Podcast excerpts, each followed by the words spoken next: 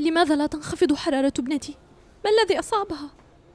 اصبري قليلا يا فاطمة نحن نحاول إنقاذها تحاولون منذ يوم أمس وما زال جسدها يشتعل وماذا عسانا نفعل؟ نحن عاجزون الآن ولا نملك إلا المحاولة لماذا سكتت ابنتي؟ أجبني ألست طبيبا؟ لماذا لا أسمع صوتها؟ فعلنا ما بوسعنا قدر الله وما شاء فعل البقاء لله وحده. توفيت الصغيرة. لا تقل هذا. ابنتي شيخة ستعيش. افعل شيئا. ما زالت صغيرة. ابنتي.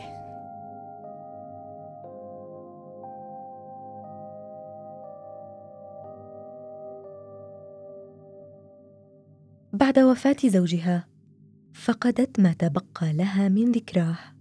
أصيبت ابنتها الصغيرة بحمى شديدة. ولم يستطع أحد علاجها فماتت. وبقيت فاطمة مع حزنها مكلومة على طفلتها التي كانت أنستها بعد وفاة زوجها. تزوجت في سن صغيرة من ابن عمها وفجعت بوفاة زوجها ثم ابنتها. تذوقت هذه الآلام باكرا فكانت هذه الحوادث هي ما شحنتها بالإصرار بدلا من الاستسلام. وبدأت حكاية الفتاة البحرينية فاطمة الزياني.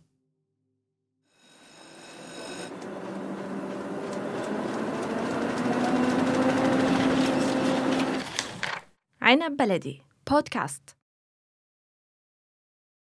فاطمة ابنة تاجر اللؤلؤ علي إبراهيم الزياني معروف بالكرم والسخاء في البحرين وهو من أصحاب الأموال والعقارات.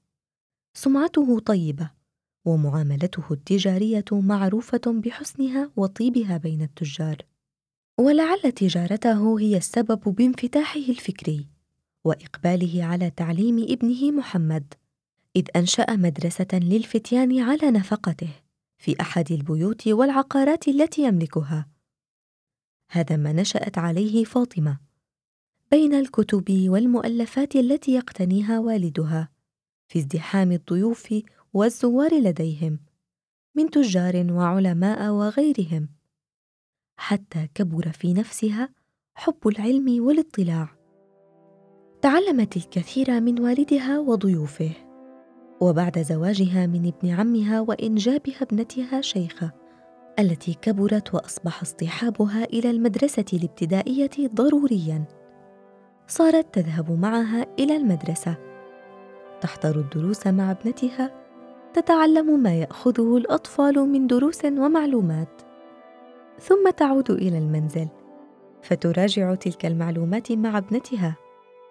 إلى تلك الدرجة وصل شغفها. لكن الحمى التي أصابت ابنتها وقتلتها كانت محطة فاصلة في حياتها. توقفت فاطمة عن الدراسة. توقفت فترة طويلة عن الدراسة يا فاطمة. متى ستكملين دراستك؟ لن أستطيع الذهاب إلى المدرسة دون شيخة. هي التي كانت تمنحني الحماسة ولأجلها كنت مستمرة. أما الآن فانطفأ النور في نفسي لم تعد يدها الصغيرة تمسك يدي على طريق المدرسة وصوتها اختفى. لا يمكنني الاستمرار من دونها. قطعت شوطا جيدا يا صديقتي. الحصول على العلم للفتاة في هذه الأيام أمر صعب وأنت بدأت هذا الطريق بنجاح. أكمليه وسأقف إلى جانبك. أعدك سأحاول. سأفعل ما بوسعي. أتمنى أن أكمل دراستي لأكون ممرضة وأساعد في علاج المرضى وأنقذ الأرواح البريئة التي تشبه روح شيخة. افعلي إذن وكوني قوية كما عهدناك.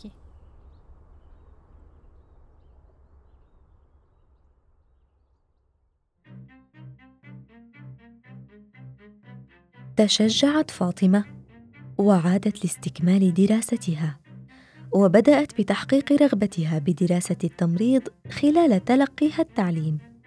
تتردد إلى المدرسة في أيام الدوام، وتعمل مساعدة للممرضين في الصيف في مستشفى الإرسالية الأمريكية لتحقق هدفها النبيل بتخفيف الألم عن المرضى ومساعدتهم. كيف تتجولين داخل المستشفى بهذه الملابس؟ إنها غير ملائمة ولا يمكن للطاقم الطبي ارتداؤها. إنها اللباس الذي أرتديه عادة. لما علي تغييره؟ الدشداشة هي لباس تقليدي في البحرين. أعلم ذلك لكن ليس مسموحا لك بارتدائه داخل المشفى. وخلال تأديتك مهمة التمريض. لكن أهلي لن يتقبلوا اللباس الأبيض الرسمي المخصص للعاملين بمهنة التمريض. أوف. عليك تدبير الأمر وبسرعة. هذا الوضع غير مقبول هنا.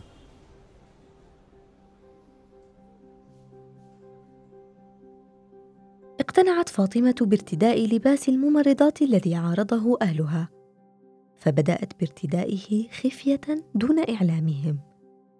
ترتديه داخل المستشفى ثم قبل خروجها تخلعه وترتدي ثيابها التقليدية المعروفة بالدشداشة.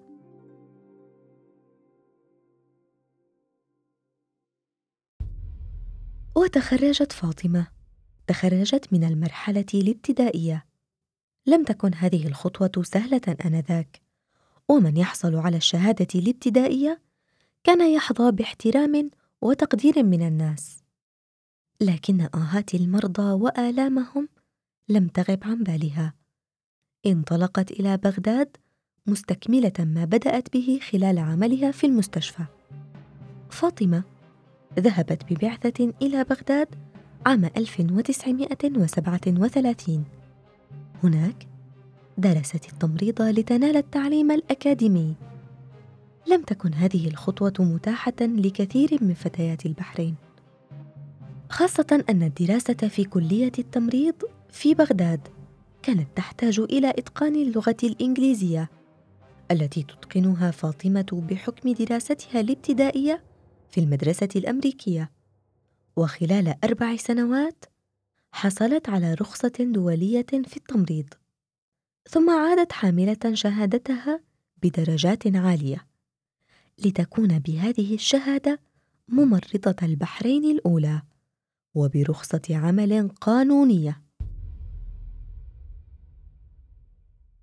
بعد تعبها هذا استحقت أن تكون مسؤولة التمريض في جميع مدارس البحرين. لم يكن هذا حظا بل جهدا وتعبا استغرق سنوات كثيرة. في الوقت الذي كانت نساء البحرين فيه يعتمدن على عمل أزواجهن بشكل كبير ويساعدنهم بما يستطعن فالمرأة التي تتزوج صيادا تساعد زوجها بتنظيف الأسماك وبيعها مثلا. مع عدم إغفال الرائدات والمؤثرات والمثقفات أيضا. ففي عام 1928 أصبحت البحرين أول دولة خليجية تعطي المرأة فرصة للالتحاق بالمدارس. كما أنها أول دولة خليجية فيها منظمات نسوية في عام 1965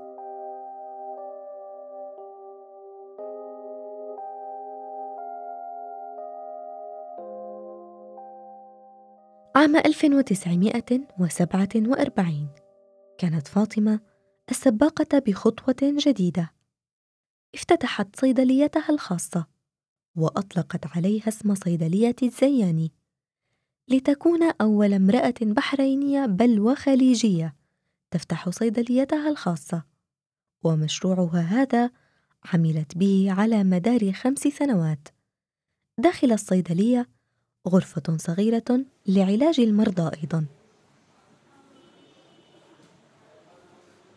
لماذا أعطيت هذا الرجل دواء دون أن يعطيك ثمنه؟ ستخسرين الكثير يا فاطمة. بل أربح. فاعل الخير لا يخسر وهذه الخسارات المادية تعوض. أما الأرواح والصحة فلا يعوضها أحد. لن تستطيع ادخار شيئا هكذا. لا مقابل لشراء دواء ولا مقابل أيضا لعلاج المرضى. لا أعلم كيف تبيعين وقتك وجهدك مجانا. الناس ليسوا قادرين على دفع ثمن العلاج والدواء. هل أتركهم يتألمون يا صديقتي؟ حاجتهم للصحة أكبر من حاجتي للنقود. خدمتها للفقراء والمحتاجين لم تكن فقط داخل الصيدلية بل تذهب إلى بيوت النساء خلال فترة المخاض لتقوم بعملها كقابلة. وأنجبت كثير من النساء على يدها. احتاجت لتنقلها من منزل لآخر إلى وسيلة للنقل أسرع من السير على الأقدام. فما كان منها إلا أن اشترت سيارة وحصلت على رخصة للقيادة. هكذا تتفوق فاطمة على نفسها. لتكون أول امرأة خليجية تحصل على رخصة قيادة السيارة عام 1945 بهدف إنقاذ حياة النساء ومساعدتهن على وجه السرعة.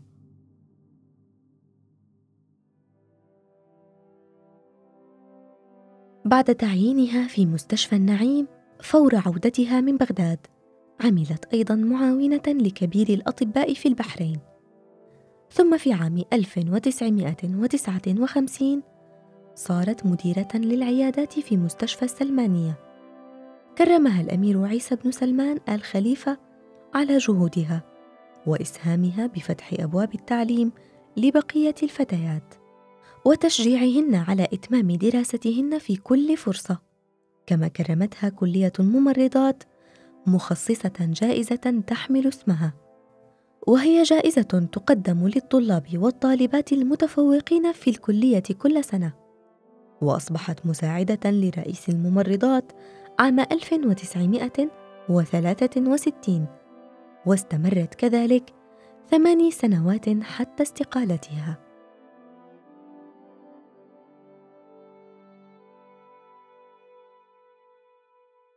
فاطمة التي أحبتها نساء البحرين.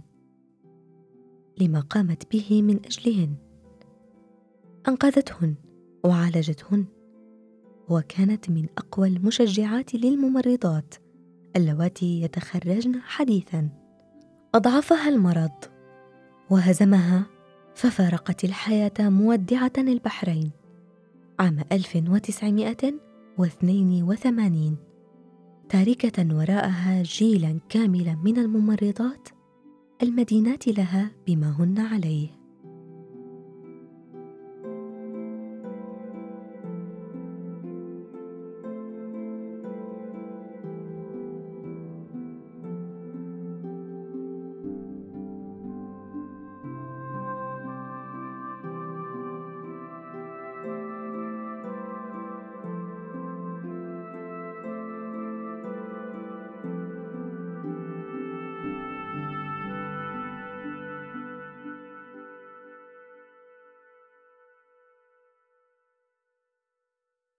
استمعتم إلى بودكاست نساء من عنب بلدي.